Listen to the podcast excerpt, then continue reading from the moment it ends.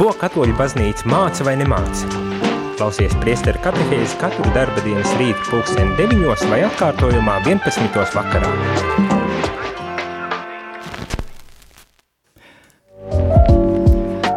Labrīt, radio Marija Latvija klausītāji. Šodien ir 28. 8. marts, otrdiena, un tu klausies priestera katehēzi, un šeit studijā esmu Esaija Avotiņa, bet es katehēzi nevadīšu. Katehēzi vadīs kāds zinošāks cilvēks, tas būs priesteris Ilmārs Tolstovs. Labrīt! Labrīt, slavēts Jēzus Kristus! Mūžīgi mūžos slavēts. Un tad šīs katehēzes tādi atslēgu vārdi, es minēšu divus ir askēze un ciešanas, man šķiet tās ir tādas populāras tēmas, par ko bieži vien cilvēki arī aizdomājās tieši gavēņa laikā. Nu ko, esi gatavs? Jā, es tieši esmu atgriezies no Siguldas, ļoti skaista, ļoti skaista vieta, un mēs vakar arī turpinājām plānot mūsu nakts krustaceļu, un es varu teikt, ka arī tā ir, tā ir tāda savu veidu gandarīšanas forma, Es domāju, jā, mēs šodien varam pāanalizēt par to, vai mēs ar kaut kādām tādām darbībām, nu, ko to ar šo pašu krustaceļu, ko mēs ejam gavēņa laikā, piekdienās un, un trešdienās, it arī svētdienās, mums ir arī šie lielie krustaceļi, lielajā piekdienā, arī dažādas citas krustaceļu formas, un arī, protams, citas gandarīšanas darbības, vai mēs ar viņām, tā kā varētu teikt, nopelnam Dieva valstību, jo dažreiz no protestantu puses izskan tādi nu, pārmetumi, ka mēs ar savām darbībām mēģinam kaut ko nopelnīt, vēl pielikt klāt Kristus ciešanām. Bet tā līdz galam nav, jo Kristus mūs ir atpestījis ar savam sētajām asinīm, bet mēs no savas puses veicam mīlestības pilnus darbus. Jā, rādījām arī Latviju klausītāji, arī tu vari iesaistīties šajā katehēzē un uzdot priesterim, priesterim Ilmāram Tolstovam konkrētus jautājumus, ja tevi šī tēma interesē un tālrunis studijā ir 67 969 131, vai arī var ir uh, rakstīt īziņā 266 77 272. Labi, tad uh, kas tad ir askēze? Var, par to ir ļoti daudz runāts, bet manuprāt, nekad nav par sliktu no jauna atkārtot un atkārtot un atsvaidzināt šīs uh, zināšanas. Nu, jāskatās ir vēsturē. Mēs kā kristīgā baznīca, katoliskā baznīca esam jau vairāk kā 2000 gadus. Un, protams, kā ja skatāmies evaņģēlijā, tad Jēzus saka, ka kamēr līgavainas ir pie viņiem, viņi negavēs, kad viņš no viņiem tiks atņems, viņi gavēs. Eh, jāsaka, ka asketiskās prakses mēs atrodam arī vecajā derībā. Piemēram, bija nazīrieši, ja?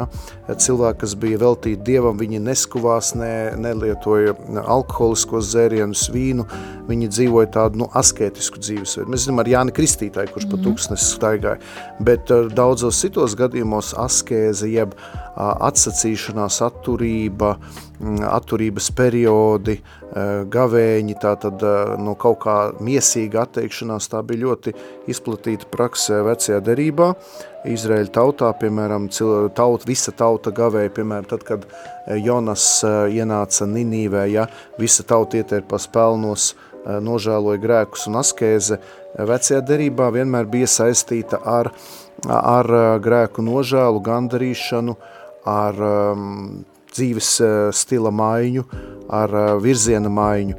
Bet arī jaunajā derībā Jēzus jau turpina šo vecās derības asketisko ceļu, aicinot nu, nu, likt prioritāti garam. Arī apustulis Pāvils vēlāk savās vēstulēs runā par miesas tieksmēm un gara tieksmēm, un visa, viņš saka arī, visa, visu grēku pamatā ir atsukārība, miesas kārība, dzīves slepenība, ja?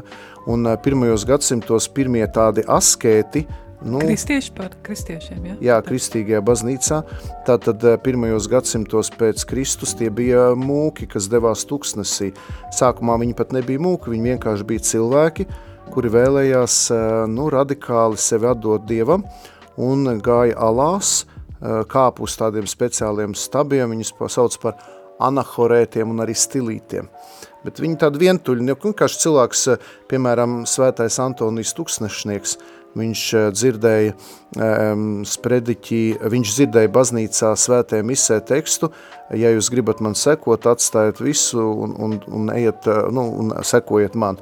Viņš burtiski aizgāja, ļoti, nu, radikāli, savu patiesībā. māsu nodeva radinieku gādībai, visu iztirgoja, un viņš galvenais interesants sākumā tikai kaut kādu daļu, daļu izdara to, un tad nākamajā svētdienā viņš aiziet un dzird, ko esi nodomājis darīt tad viņš saprot, nē, viss ir jāpārdod.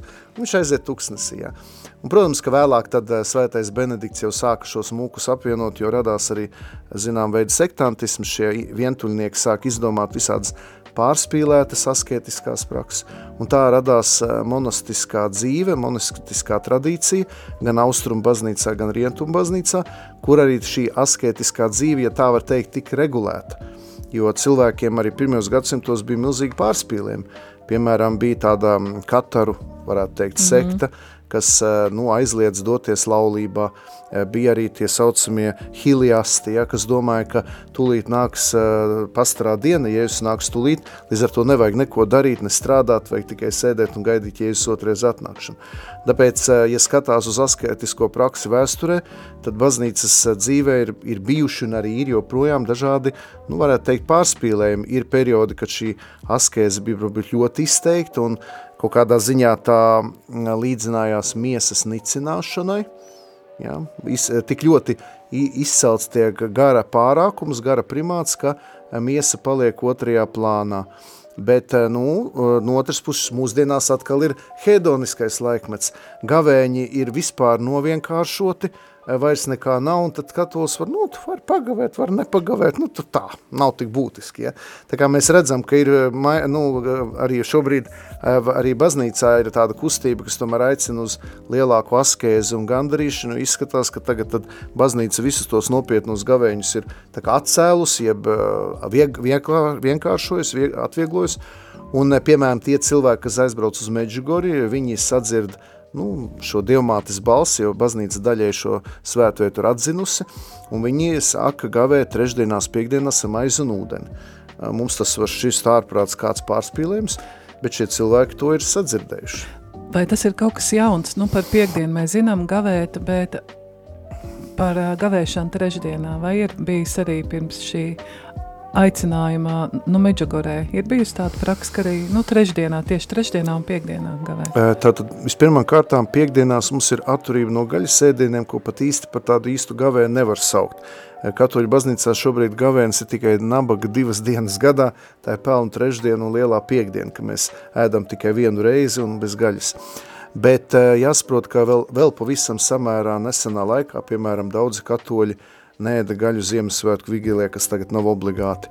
Arī piena produkts nelietoja trešdien, sestdien, un jāsaprot, ka, piemēram, ja mēs skatāmies uz pareizcīgo baznīcu, kas ir saglabājis ļoti spēcīgas eh, gavēņa tradīcijas, tad tur gavēņi ir pirms, pirms Ziemassvētkiem, adventā vai pat agrāk, pirms visiem lieliem svētkiem ir pa septiņu, pa, pa ento dienu gavēņiem. Tad tā ir agrāk, ja skatāmies uz, uz tām 365 dienām, tad varētu teikt, ka varbūt pat 20-30% no gada dienām bija gavēņi. Un tas bija ļoti nopietni, un nemaz nerunājot par lielo gavēnu 40 dienas, ka gaļa bija kategoriski aizliegta, ja. izklaides bija aizliegts, piemēram, Latgalē eh, senāk nebija iedomājams, ka gavēņa laikā rīko balles, eh, saviesīgus pasākumus, zimšanas dienas, ja. tas bija ļoti strikti noteikts. Eh, joprojām arī cilvēki, kas to privāti izvēlās eh, nedarīt, bet šobrīd tas nav uzlikts kā obligāts, bet eh, nu, gavēņu prakses pirms 50, 100, 200 gadiem arī katoļu baznīcā bija ļoti, ļoti nopietnas. Atgriezīsimies pie askēzes. Kāda ir atšķirība starp askēzi? Jo arī citas, nu, citās nu, reliģijās ir askēze. Jā? Tā pašā hinduismā, man šķiet arī budismā. Kur ir atšķirība. Askēze citās reliģijās un askēze nu, kristietībā. Jāsaka, askēze ir ļoti plašs jēdziens, jo askēze ietver sevi e, visāda veida, varētu teikt, e, nu, miesas savaldīšana, jeb darbības, kas ir veiktas uz to, ka mēs tā kā nu, savaldam savas iekāres, vēlmes, iegribas, ja mēs tā kā ar askēzes palīdzību mēģinam nu, sevi iegrožot, jo gavēnis ir tikai viena no askēzes formām. Ir ļoti daudz askēzes formas. Piemēram, mēs zinām, ka piemēram, Da Vinci kods tika izsmieta uh, viena Tā kustība, šaustīšana. sevis šaustīšana. Kādreiz, piemēram, tas bija pilnīgi normāli, kad cilvēki, arī garīdznieki, kur vēlējās augt garīgā dzīvē, nesāja speciālas tādas jostas vai tādas no metāla izveidotas ar dzelkšņiem, kas dūrās iekšā miesā. Uh, cilvēki speciāli radīja sev nērtības pie mūki bēra, uh, pelnu sēdienā, gaveņa laikā, lai ēdienu padarītu negaršīgāku. Mums šobrīd tas liekas šausminoši un atgādina viduslaiku briesmas, bet jāsaprot, ka tajā laikā bija izplatījusies arī nu, tāda, neteiksim, maldu mācība, bet tāds garīgs novirziens, ko sauc par jansenismu. Tas bija milzīgas bailes par to, vai es tiešām nonākšu debesīs. Tad, lai būtu drošība, es, kā saka, nesāju tās jostas, veicu smagas gandrīšanas darbības, lai tā kā nu, no savas puses parādītu Dievam, ka es tomēr nu, neizdabāju miesai, ka es tomēr vēlos garam likt prioritāti. Mēs zinām arī mazā Terēza no bērna Jēzus, viņa teica, viņi nespēja pildīt milzīgās gandrīšanas formas, kādas tā laikā bija izplatīts. Viņa vienīgi teica, ka viņi var iekāpt liftā, ja vairāk viņi neko citu nevar izdarīt. Patiesībā tad, uh, tas ir Jā, tu minēji tad, uh, divus aspektus. Viens ir neizdabāt miesai, tātad uh, no viena no gavēņa tādām, uh, nu, tādiem mērķiem, nu, teiksim tā, askēs, nevis gavēņa. Un otrs ir tad, uh, mazā Terēze, tad uz Dievu žēlstību paļāvās. Jā, bet tur ir tā lieta, vēl pieskaroties tam jautājumam par citām reliģijām, protams, ka gan jūdaismā, nu mēs redzam vecajā derībā bija izplatīta askēze, arī islamā, jo islāms jau ir kristietības un jūdaisma tāda, nu, netiksim, sintēze, bet ņemot vērā, ka Muhameds bija iepazinies ar kristietību nestoriānisma veidā, un arī, un arī, protams, viņš pazina arī jūdaismu un arī kristietību, tātad viņš, nu, tā tur atrodam arī ļoti daudz, varētu teikt, jūdaismu un kristīgās askezes elementi. Tā kā arī citās arī nekristīgajās reliģijās, budismā, hinduismā ļoti daudz asketiskās gavēņa prakses, ja taču budisti ļoti gavē tur, ko tur nēd un nēd, un, un tād, piemēram, vegānisms un veģetārisms kaut kādā ziņā izriet no šīm budisma asketiskām praksēm, ja, nēst dzīvniekus, nu tā tālāk. Tas būtu atsevišķs temats par, par citām reliģijām, bet, protams, ka teoloģija, īpaši pēc Vatikāna otrā koncila, mēģināja līdzsvarot, jo šajās senajās asketiskajās praksēs parādījās viena ļoti svarīga, pro, nu, ļoti svarīga problēma, kā tika nicināta miesa, tik ļoti izcelts gara pārākums, Varbūt arī uh, pat nu, apustulis Pāvils par to runā, un es uh, negribu tagad iekrist herēzijā, kas ir, protams, ir iespējams, ka es šajā redzījumā arī pateikšu kādu maldu, bet uh, ir viena daļa bībeles pētnieka, kas tomēr uzskata, ka apustulis Pāvils atrasdamies helēniskā jeb grieķu vidē,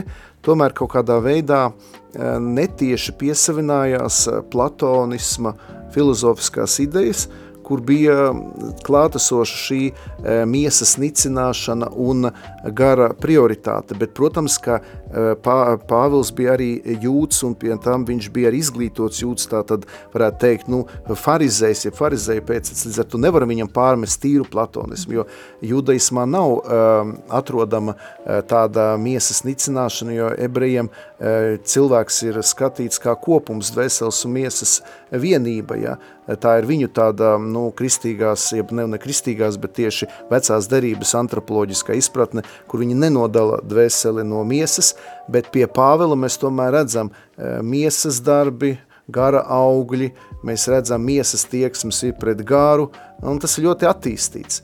Un, e, paldies viņam par to, bet vēlāk kristīgajā dzīvē, šajos 2000 gados, mēs tomēr redzam uh, tos pārspīlējumus, kur kāds varbūt ļoti īpaši lasot kādu Pāvila tekstu vēstuli, tomēr izlēma tik ļoti cīnīties eh, pret to miesu, ka tā miesa tika mazvērtēta. Pie tam arī mēs zinām, ka mūsdienās uh, un izskan pārmetumi, piemēram, katoļu baznīcai, ka viņa maz runā par seksualitāti, ka jaunieši baznīcā netiek iz, izglītot. Nu, mēs jau zinām, ka ļoti ilgā laika periodā arī baznīcā seks, seksualitāte, miesīgums tika uzskatīts par, par tabū tēmām. Tas viss ir ļauns, tas ir grēks skats un par to nedrīkst runāt, jo ir tikai Dievs, tikai žēlistība, tikai svētums, tikai tieksme pēc viņa un tā. Bet es domāju, ka pēc Vatikāna otrā koncila baznīca tomēr mēģina līdzsvarot šo lietu un līdz ar to askēzi arī ir jābūt Eh, ļoti līdzsvarotā, lai nerastos šie uzbrukumi miesai, eh, kas ir Dieva radīta, kas nav ļauna, kuru mums nevajag eh, nu, speciāli mocīt, tikai tāpēc, lai gars triumfētu. Radio Marija klausītāji, vai ja tev ir kāds jautājums, tad tu vari Jā, tur ir uh, kāds jautājums, kāds sakars priesterim Ilmāram ar Siguldu. kāds klausītājs, es nezinu, vai maz rustiņu vēlāk ieslēdza. Uh, jā. Siguldu man ir ļoti brīnišķīgs sakars, tāpēc, ka mēs kopā ar Siguldas Romas katoļu draudzi organizējam nakts krustaceļu. Un tas ir pirmoreiz Latvijā. Es aicināšu visus klausītājus kuri ir gatavi noiet, noskriet 16,8 km pa nakti un iziet 14 krustaceļa stacijas Gaujas Senlejā. Nu, tāds man šobrīd ir saikts, bet ar Sigulu man ir ļoti sena saikni un sens stāsts, un, un tā ir ļoti skaista vieta Latvijā. Jā, tad iesim nelielā muzikālā pauzē, lai skan dziesma Dieva tēva mīlestība, pavisam īsa divas minūtes, un tad atgriezīsimies atpakaļ šeit ēterā, pa šo laiku tu vari klausītāji uzrakstīt uh, sev kādu interesējošu jautājumu par askēzi, par askēzes uh, nozīmi, vai ja tev ir kāds jautājums par ciešanām, tad uh, tālruņa numurs ir 266 77 272. Dievs tēva mīlestību caur savu dēlu deva. Tik dziļu īstu patiesu, es zinu tikai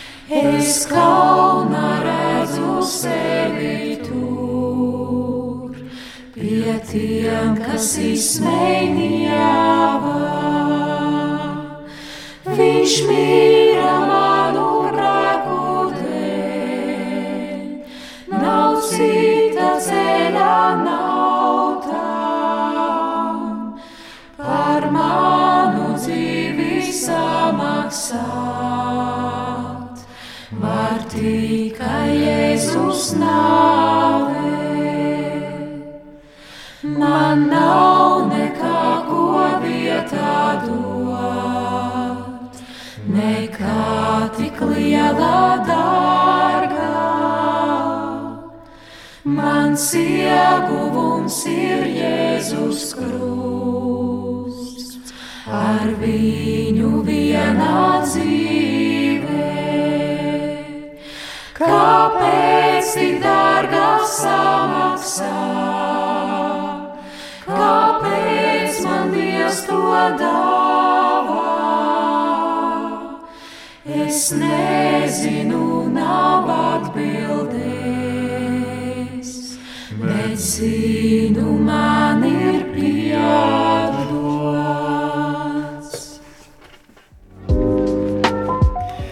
Radio Marija Latvijas klausītāji, tu klausies priestara katehēzi, un šeit studijā šodien katehēzi vada priesteris Ilmārs Tolstovs, un šīs dienas tēma ir askēze, un arī par ciešanām, par ciešanu nozīmi. Tad kāds jautājums ir, kāpēc gavēnis ir arī trešdienās? Jā.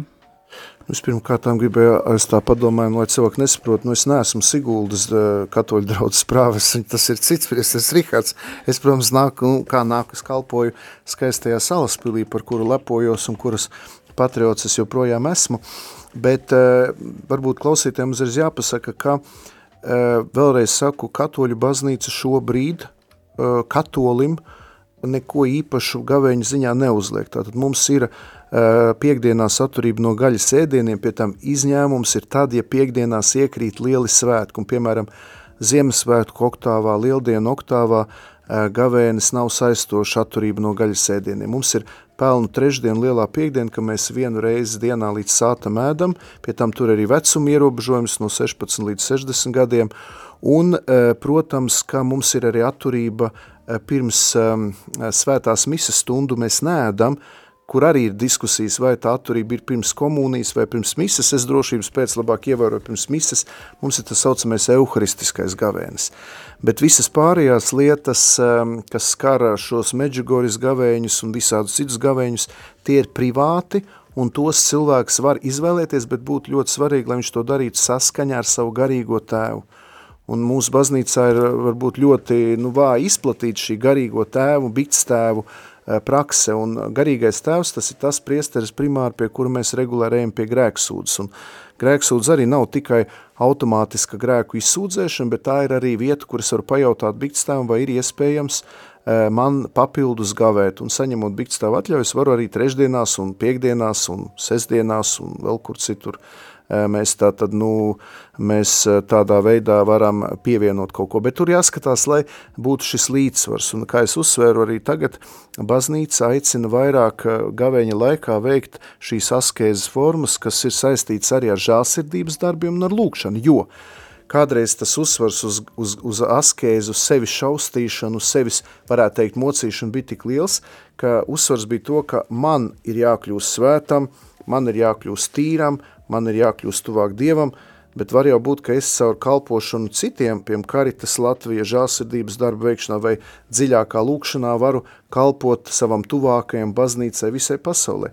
Līdz ar to askēze e, mūsdienās e, tiek e, skatīta plašāk kā garīgās dzīves prakses, kuras vairs neietver tikai sevis mocīšanu, jā, bet vairāk no tāda negatīvā uh, jeb nu, negatīvā tā ziņā, ka nihil, nu, kad es sev kaut ko atņemu, vairāk mēs pārējām uz pozitīvu, ka nevis es gavēnī sev kaut ko atņemu, e, kaut ko, ko es nedaru, bet varbūt, ka es padomāju, ko es varu darīt gavēnī, ko es varu dot, jo savādāk iznāk tikai es no kaut kā atsakos, atsakos, atsakos, atsakos, es, es it kā attīros, attīros, attīros, attīros, bet beigu beigās man jādomā arī šajā pozitīvajā virzienā. Vai mums ir kāds ļoti labs klausītājs jautājums, bet pirms tam es uzdošu kādu citu, vai gavēnis var cilvēku aizvest askēze, var aizvest cilvēku vēl lielākā egoismā? Jā, un arī uh, egoismā, un to mēs redzam, piemēram, ka ļoti daudz neticīgie cilvēki uh, gavē, lai uzlabotu savu veselību, lai uh, uzlabot savu izskatu, kas pats par sevi nav slikti, bet ja e, veselība un izskats, izskats kļūst kā elks, tad, e, tad tas ir var kļūt par, par, par nu, nevis pielūgt godināt Dievu, bet tikai rūpēties par sevi, par savu labumu, vai nu miesīgo vai garīgo. Tāpēc te ir ļoti uzmanīgi, jo tāpēc jau ir tā, ka ja cilvēks sāk pastiprināt uz gavēņus, ir ļoti svarīga sadarbība ar garīgo, garīgo tēvu, jā. lai neiekristu, lai neiekristu lepnībā. Ja? Un šeit tiešām ļoti būtisks šis te, nu, tāds uh, skatījums, kad es uh, nu, gavēju, bet nevis ar mēķi tā kā paaugstināties, bet es tieši otrādi gribu iet uh, Dieva klātbūtnē. Slavēts Jēzus Kristus, sakiet lūdzu, ko jūs ieteiktu darīt, kad ir iestājusies garīga apātija un vienaldzība? Vēlreiz varbūt jautājumu. Uh, ko jūs ieteiktu darīt, kad ir iestājusies garīga apātija un uh, vienaldzība? Nu, Redziet, nu, garīgā dzīvē jā, uh, tur ir tāds jautājums, kas ir, nu, Pāvis Francis runā par atsēdiju, jeb par garīgo tādu vienaldzību. Tur, protams, vēlreiz var būt klātesoši arī psiholoģiskais elements, kaut kādi depresīvi stāvokļi, mūsu dzīves notikumi, tas nevienmēr ir tikai tīri saistīts ar garīgo, tam var būt arī psiholoģiski elementi, bet es, man, es tikko draudzē svētdien dalījos, man viena sieviete jautājums, saka, priesteri Ilmār, jūs 18 gadus esat priesteris, bet No kurienes jums vēl tā dzirkstele? Jums tas sen vajadzēja iekrist rutīnā, jums sen vajadzēja apnikt svēto misas svinēšanai. Kāpēc jūs vēl tā dzirksteļot? Kāpēc jūs izdomājat visādus nakts krustaceļus Siguldā? Ko jūs trakojat? Jums tas bija jāpaliek tādam, nu, miegainām, garlaicīgam un tā. Un vienīgā atslēga ir slavēšana. Vienīgā atslēga ir slavēšana. Protams, ne tikai tādā šauri harizmātiskā izpratnē, bet uh, lasot psalmus, ejot pie ielas, sak, sakot slavu Tev, kungs, slavēt arī par visu, kas nesanāk. Slavu Tev, kungs, par to, ka šodien braucot uz radio bija drausmīgi korķie. Slavu Tev, kungs, kad, eh, kad um, varbūt nakts krustaceļā nebūs tik silti un viņš nebūs tik īs, kādu es gribēšu. Ja? Slavu Tev, kungs, par to, ka man ir tādi cilvēki, kuriem es nepatīku. Slavēšanas gars, gars atdot slavu Dievam, ir viens no labākajiem veidiem, kā cīnīties pret šo garīgo apātiju. Jo ja mēs ieslīgstam tikai, tikai tradicionālās lūkšanās, tradicionālā formā, tad mēs varam ātri pazaudēt to, to dzirksteli. Pāvis Francis saka, piecelieties no saviem mīkstajiem divāniem, izlieniet ārā no saviem skārien jūtīgiem ekrāniem. Es draudzē teicu tā, ka agrāk altāri mājās bija lieli, bet televizoriņu mazi. Šobrīd televizori kļūst ar vien lielāki, altārīši mazāki. Ja? Un Jā. mēs, piemēram, sākam jau organizēt svētceļumu skaiskalni, maija brīvdienās no Jelgavas jau ir plakāts, priesteris Maksims jau darbojas. Mēs darbojamies, drosmīgi ejam, Katrs svētceļums, katra iziešana no savas rutīniskās vides ir iespēja aizdedzināt šo ticības zirgsteli, jo ticība ir kā ugunskurs. Nepieliksim malku, nodzesīs. Un tā arī ir viena no askēzes formām gaveņa laikā ne tikai no kaut kā atteikties, bet varbūt pielikt kaut ko klāt, aiziet uz kādu slavēšanu. Mums arī salaspilī mēneša pirmās sestdienās ir brīnišķīgas slavēšanas, ja, kur brauc cilvēki un slavē. Un tā ir iespēja mazliet izkustināt to savu ierasto dzīvi. Bet vēlreiz atbildot šo jautājumu, ļoti svarīgi pastīties, vai tur nav arī kādi psiholoģiska momenti, kāpēc cilvēks iet tādās skumjās, varbūt kaut kādi depresīvi stāvokļi. Tas nav tā, ka slavēšana vai lūkšana vai svētceļojums vai krustaceļš ir atbild uz visiem jautājumiem. Tad uh, ir uh, vēl jautājums par gavēni. Tad uh, galu galā kādēļ ir atteikšanās no gaļas piekdienā? Vai tā, vai nav ietekme no citām reliģijām? Un kādreiz dzirdēju argumentu, ka tādēļ, lai ietaupītu naudu, ko ziedot nabagiem – bet mūsdienās gaļai lētāka nekā zivis. Jā, tas ir šausmīgi. Man nav saimnieces salaspili un es eju uz tur, kur kompleksās pusdienas dod, salīdzinoši lēt, mums salaspilī var pat, pat 4, laikam 4 eiro 80 pārējais, bet piekdienās jau nav tur zivs, un tad ir jādomā, un tā zivs ir dārga, un, zivs ir dārga. un man viņa arī negaršo, un man ir reāls gavēnis, kā es tur dzīvu. Bet jūs ziniet, ka Lietuvā, piemēram, ir atcelts piekdienas atturības no ga gaļas, un arī, arī Itālijā tas nav, tās ir tikai Latvija, Polija un vēl dažas valstis. Tā nav visas baznīcas praksa, un, piemēram, Lietuvas argumenti ir tādi, ka cilvēks pats piekdien izvēlās, nu kā viņš attei, atteiksies, vai tā ir gaļa, vai zivs, vai kafija, vai nezinu kas. Tā kā, nu, mums jau arī, piemēram, bīskapa konferences ir izveikusi lielas izmaiņas, piemēram, piekdienas atturība no gaļas ēdiena ir atcelt, ja ir kāzu bēru mielas, kopgaldi skolās armijā un tā tālāk. Nu, man arī tracina, ka cilvēks piecus gadus nav bijis pie grēksūdas, vienīgais, ko viņš atceras, ka viņš piekdienu gaļu ēd. Tā kā es varbūt būtu par to, uh, ka mēs šo piekdienas gaļas ēšanu vai neēšanu atstātu katra cilvēka brīv, brīvajā ziņā, un tādā veidā mēs varbūt atslogotu šo cilvēku sirdsapziņu, kura bieži vien neredz to, ka nav bijis svētdien uz misiju vairākus mēnešus, ja, ignorē trešo dievu bausli, bet, bet viņš atcerās, ka viņš piekdien tomēr gaļu ēd. Ja, tā kā tā gaļas ēšana vai neēšana ir eh, tik būtiska, ka viņa sāk aizēnot kaut ko citu. Un, eh, jā, par tiem nabagiem es pilnīgi piekrītu, ka tā doma bija tāda, ka mēs no kaut kā atsakamies, lai ietaupītu naudu un ziedot nabagiem. Šobrīd Karitas Latvija arī uh, veic tādu akciju, ka mums ir šīs Karitas aploksnes, kurās var ielikt naudiņu, kuru mēs ietaupam gavējot, un tad mēs ar šo naudu nododam Karitas Latviju, un viņi atkal uh, pie katoļu ģimnāzijas veido Ukrainas bēgļu jauniešiem speciālu centru. Kāda klausītāja tā ir Ivetai ir uzrakstījusi slavēts Jēzus Kristus, sevis šaustīšanas, mērdēšanas un citā dimocīšanas veids nav gan veids, kā pelnīt sev mūžīgo dzīvi, bet gan mīlestība, labie darbi, sevis Ziedošana palīdzībai citiem, kalpošanai, draudzēji ģimenē ir īstais veids, jā, un svēto rakstu lasīšana, protams, kas pilnveido garīgo dzīvi, Dieva slavēšana un pateikšanās par visu. Īstenībā to visu vajag darīt 365 dienas gadā, nevis uh, tikai šajās 40 dienās, taču tas ir labs atgādinājums. Jā, nu šeit, protams, ir jūtama protestantisma ietekme. Mums, mums jāsaprot to, ka Latvijā Romas katoliskā baznīca atrodas starp mūsu dārgiem brāļiem, māsām no protestantu draudzēm, nekatoļu draudzēm, un skaidrs, ka dažreiz tādas mūsu gavēņa prakses viņiem var šis dīvains, kaut arī pie mm, protestantu kristiešiem ir klātesoša gavēņa. Zinu, ka viņi ļoti nopietni gavē ar maizi un ūdeni pirms kādiem pasākumiem, tā kā tas nav tā, ka, ka gavēnis nebūtu. Bet te ir vēlreiz jāsaka, ka e, ja, ja apustulis Jākaps saka, ticības darbiem ir nedzīva, līdz ar to sevis mērdēšana, askēze, viņa nav viss mērķis, bet līdzeklis, un ar to es izpaužu savu ticību Dievam un ar mīlestību uz viņu. Ka tas nav tā, ka es kaut ko pielieku, uh, Eh, Kristus ciešanām, kaut arī apustulis Pāvils saka, ka mēs ar savām darbībām līdzdarbojamies Kristus ciešanās. Ja? Mēs esam līdzdalīgi.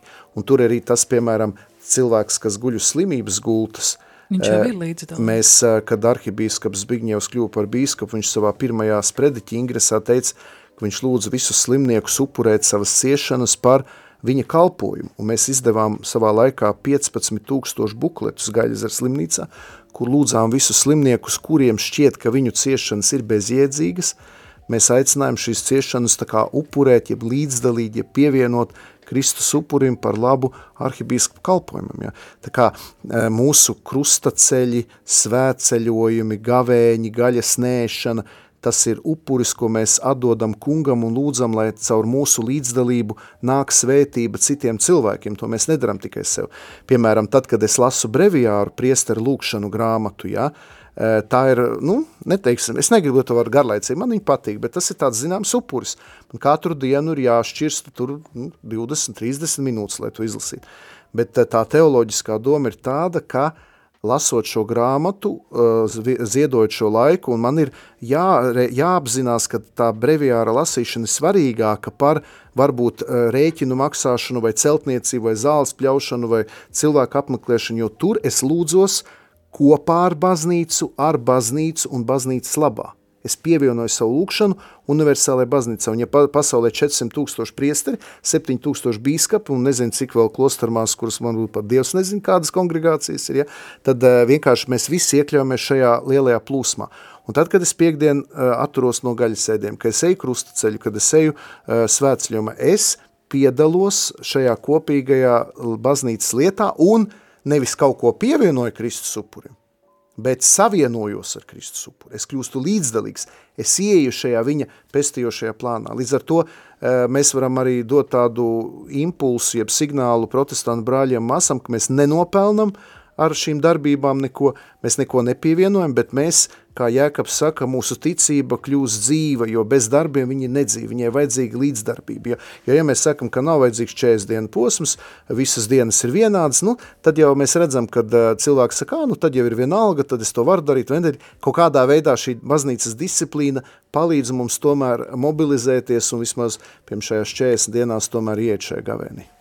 Un arī atgādināt pašam sev, ka cilvēks ir Dieva radība par askēzi, kā izdzīvot tad mūsdienās, ko jūs teiktu savai draudzējas prediķī, praktizējiet askēzi, jo tas palīdz tam un tam, tas palīdzēs jūsu garīgai dzīvei mūsdienās kristietim tagad uh, Latvijā baznīcā, vai ir nepieciešama šī askēze? Nu, es, piemēram, domāju, ka mūsdienās uh, askēzes formas mainās, un viens ir šie skārienjūtīgi ekrāni, televīzori, uh, varbūt uh, izklaides industrija, jo tas ir ārprāts, ka, nu, es, piemēram, ļoti mīlu latviešu tautu un kultūru, ja, bet mēs redzam, ka šogad dziesmu svētku skatas ir ieliktas svētdienās dievkalpam laikos.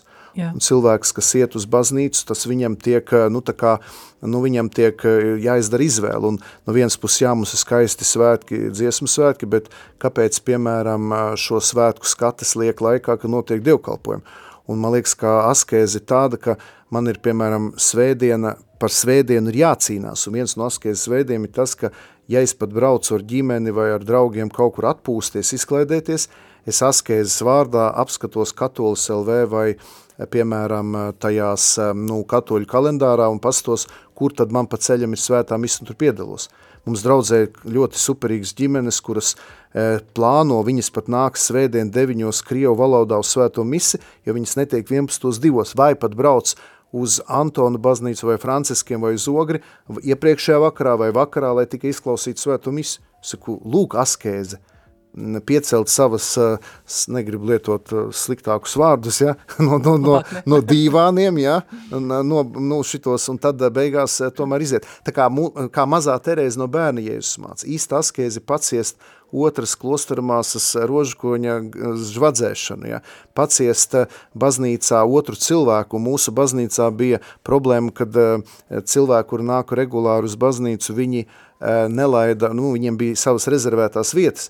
Mēs cīnījāmies par viesmīlības garu, par to, ka cilvēks, kas ienāk baznīcā, viņš ir jā, jāuzņem, ka viņš ir ar, ar laipnību jāsagaida. Jā. Tā kā varbūt askēze ir pasmaidīt otram draudzes loceklim, varbūt pateikt viņam labu vārdu, varbūt nu, būt atvērtam, sirsnīgam. Ja. Tā kā arī kādreiz tēvs Smelters, Antons Smelters, mūžīgo mieru monsignors mācīja, ka viņam bija viens garīgais bērns, kurš bija apņēmies nesmēķēt 40 dienas, un otrajā nedēļā viņš bija drausmīgi nīgrs, viņš, viņš bija šausmīgs, Un tad tev smelters teica, varbūt tu pasmēķē, bet paliec normāls. ja, ka varbūt nu, tās askēzes formas ir tik trakas, ka nu, tādā veidā, jā. Iesim atkal nelielā muzikālā pauzē, būs Anetas Kozlauskas uh, dziesma Es esmu ziets. Nē, pa priekš uh, pacelsim telefonu. Jā, slavēts Kristus. Mūžīgi slavēts. Ir jautājums?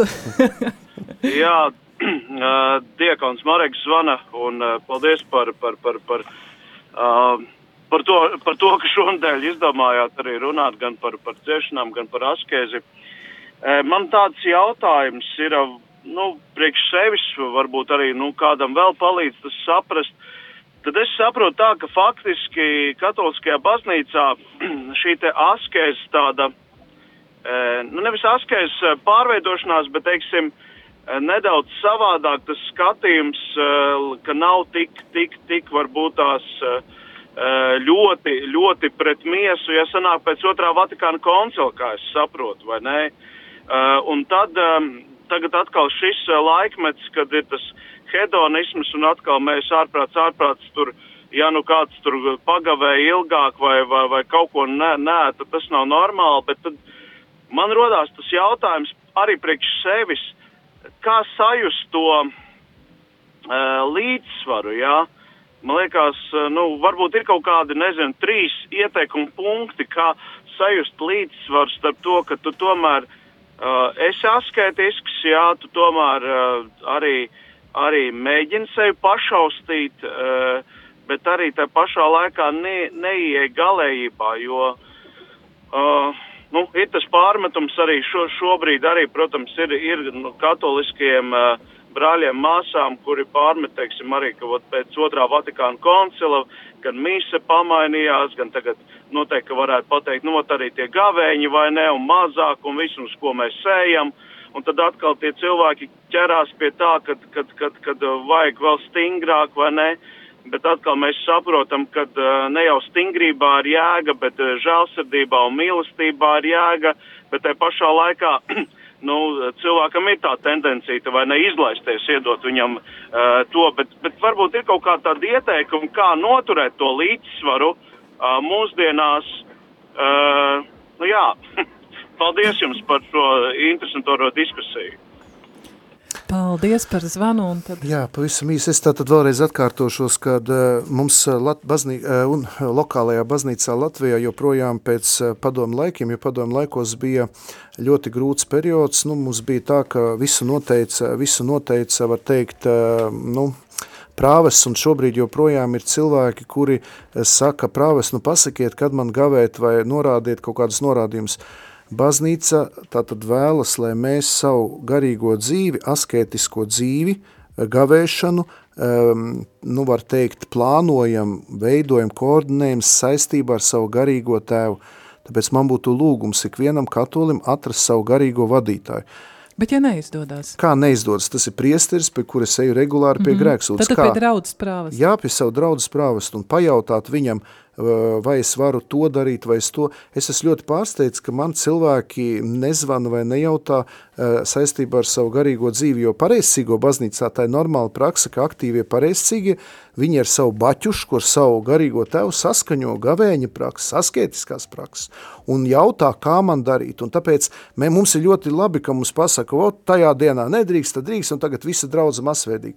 Bet tieši pēc Vatikāna otrā koncila tiek uzsvērta katra katoļa individuālā dievbība un katra katoļa šis personiskais stāsts, jo katram ir sava dzīve, citam ir ģimene ar pieciem, septiņiem bērniem, cits dzīvo viens, citam ir tāds darbs, citam tāds, un es ļoti esmu pateicīgs arī uh, tā prelatūra Opus Dei, un uh, šīs Opus Dei pārstāvjiem daudz manā draudzē, viņi ļoti māca uh, pašiem katoļiem, kas ir šajā Opus Dei kustībā, kā izdzīvot dziļu garīgumu savā darba vietā, ikdienā, un veidot ļoti personīgu šo savu, varētu teikt, personīgo garīgās dzīves plānu, jo mēs nevaram visiem katoļiem iedot unificētu vienu. Tagad pateiksim, visiem katoļiem 40 dienas nedrīkst ēst gaļu pirms, pirms lieldienā. Bet mēs zinām, ka kādreiz, ja, kad tā bija, viena liela daļa katoļu tu ignorēja vai vispār neņēma to vērā. Ja, tā kā tas ir ļoti, nu, to nevar, un tas ir tiešām darbs ar savu uh, garīgo tēvu. Tad, tad uh, nav gatavas nav vienādas receptes visiem cilvēkiem, kā, kā izdzīvot garīgo Protams, dzīvi. Un tāpēc arī baznīca ir samazinājuši šos obligātos gavēņus, pasakot, ka tad jums pašiem personīgi ir jāstrādā ar savu prāvestu, ar savu bigtstēvu, savu garīgo tēvu, lai šo jautājumu tālāk risinātu. Mums ir kāds zvans, jā, lūdzu. Halo? Ja kuram ir garīgā apātija, tad ir jākrīt uz ceļiem pretī krucifiksam vai kādai svētbildē. Paldies, Gavēni paldies par ieteikumu. Jā, Jā jāievēro agrā bērnībā. Ja ievēros gavēni bērnībā, tad pieaudzis cilvēks varēs atpirkties no patīkamām un nepatīkamām pat lietām. Paldies. Paldies.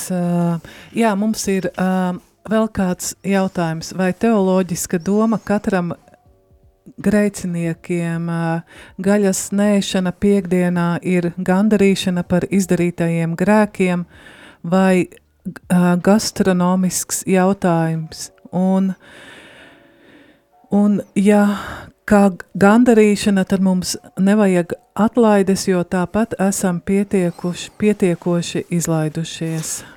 Sapratu Jā, es domāju, ka šeit atkal ir tās vēsmas saistībā ar to mūsdienu hedonismu laikmetu, un baznīcā parādās atkal tendence pēc stingrākām gandrīšanas formām. Ja skatāmies vēsturē, tad pirmajos gadsimtos eh, bija ļoti spēcīgas gandrīšanas formas, piemēram, cilvēkiem par smagiem grēkiem uzdeva desmit gadus strādāt eh, raktuvēs vai aiziet ar kājām uz Romu, uz Jeruzālemi. Arī šīs Santiago de Compostela svētceļiem kustība bija saistīta ar šiem gandarījumiem. Bet laika gaitā tomēr baznīca saprata un arī lasot svētos rakstus, ka Kristus jau ir nomiris par mūsu grēkiem. Viņš ir izlējis savas asins, un tāpēc tas gandarījums, ko, piemēram, priesteris uzliek grēksūdzē, tas, protams, ir svarīgs, jo tādā veidā mēs ar savu to, ko priesteris pasaka grēksūdzē pēc grēksūdzes, nu, es tev gandarījumam uzlieku tādu un tādu lūkšanu vai tādu un tādu darbību. Tā ir mana līdzdarbība. Bet es, piemēram, nu, e, nu ļoti bīstami, ja mēs, piemēram, grēksūdzē pasakam, nu, zini, tagad tev par taviem grēkiem ar kājām jāaiziet uz aglonu, ja? un kamēr tu neesi aizgājis, tikmēr grēksūdze, kā saka, nav noslēgusies.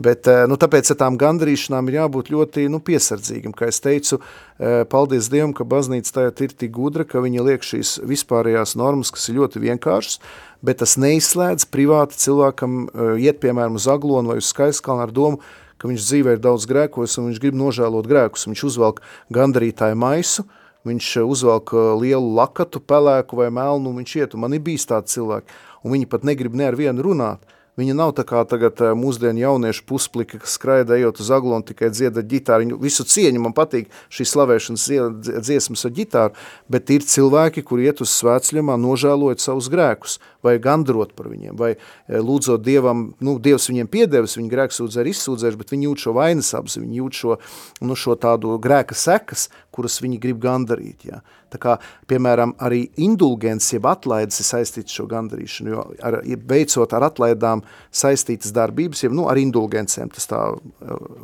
ekleziālā valodā, ja baznīcas valodā. Tas nenozīmē, ka mēs nopērkam grēku atlaides, kā to bieži vien varbūt luterāņi mums pārmet, bet mēs jau saņēmuši grēku piedošanu grēksūdu sakramentā, gandaram par grēka izraisītām sekām, jo katram grēkam ir ne tikai e, mūžīgā pazudināšana ellē, bet arī laicīgās sekas, ko nes šī grēka veiktā darbība. Piemēram, cilvēks ir e, piedzēries un dzērumā bezfilmā izdarījis kādas lietas, viņš pēc tam ir aizgājis pie grēksūdz Dievs viņam piedevis, bet viņa neslava, jeb dzērāja neslava ir palikusi. Un tāpēc gandarīšana palīdz arī pēc grēksūdzes to, ko priesteris uzliek, šī gandarīšanas darbība palīdz dziedināt grēka izraisītās sekas, laicīgās sekas. Tā arī teoloģijas to saka, ka atlaidu darbības ir laicīgā soda, jeb seku dzēšana, jeb dziedināšana. Tāpēc izmantojot, dārgie klausītāji, visas atlaidu prakses, 40 stundu atlaides, svētceļums, un es nezinu, vai par Siguldas nakts krustaceļu būs kādas atlaides vai nē, bet... Es nedomāju, ka tas būs viegli. bet gavēņa laikā ejot krustaceļu, mēs varam saņemt atlaidu žēlstības. Tā kā tas ir gavēņa laiks, tas ir laiks pirms pūpoļa palmu svētdienas, tā kā vienalga vai viņš ir veikts ļoti vienkāršā veidā baznīcā, vai ļoti ekstremālā veidā skaistajā Siguldas senlajā, tik un tā tas ir krustaceļš. Tagad uh, tuvojās uh, lielā nedēļa. Nākamā nedēļa, kā cilvēkam sagatavoties labāk uh, šai Kristus, š, jā, Kristus augšām celšanās svētkiem vēl palikušas, nu, pavisam, nu, nedaudz dienas, jā, nu, no viena, gavēņa laika. Viena lieta ir tāda, ko es domāju, kas mani pašu ļoti skumdina, ka Latvijā joprojām mums nav sakārtotas trīs svētās lielās dienas, jo mums, diemžēl, ir tādi, kā saucamie anahronismi, ka, piemēram, pēc lielās piekdienas dievkolpojuma tiek uzstādīts visvētākais sakraments uz Kristus kapa.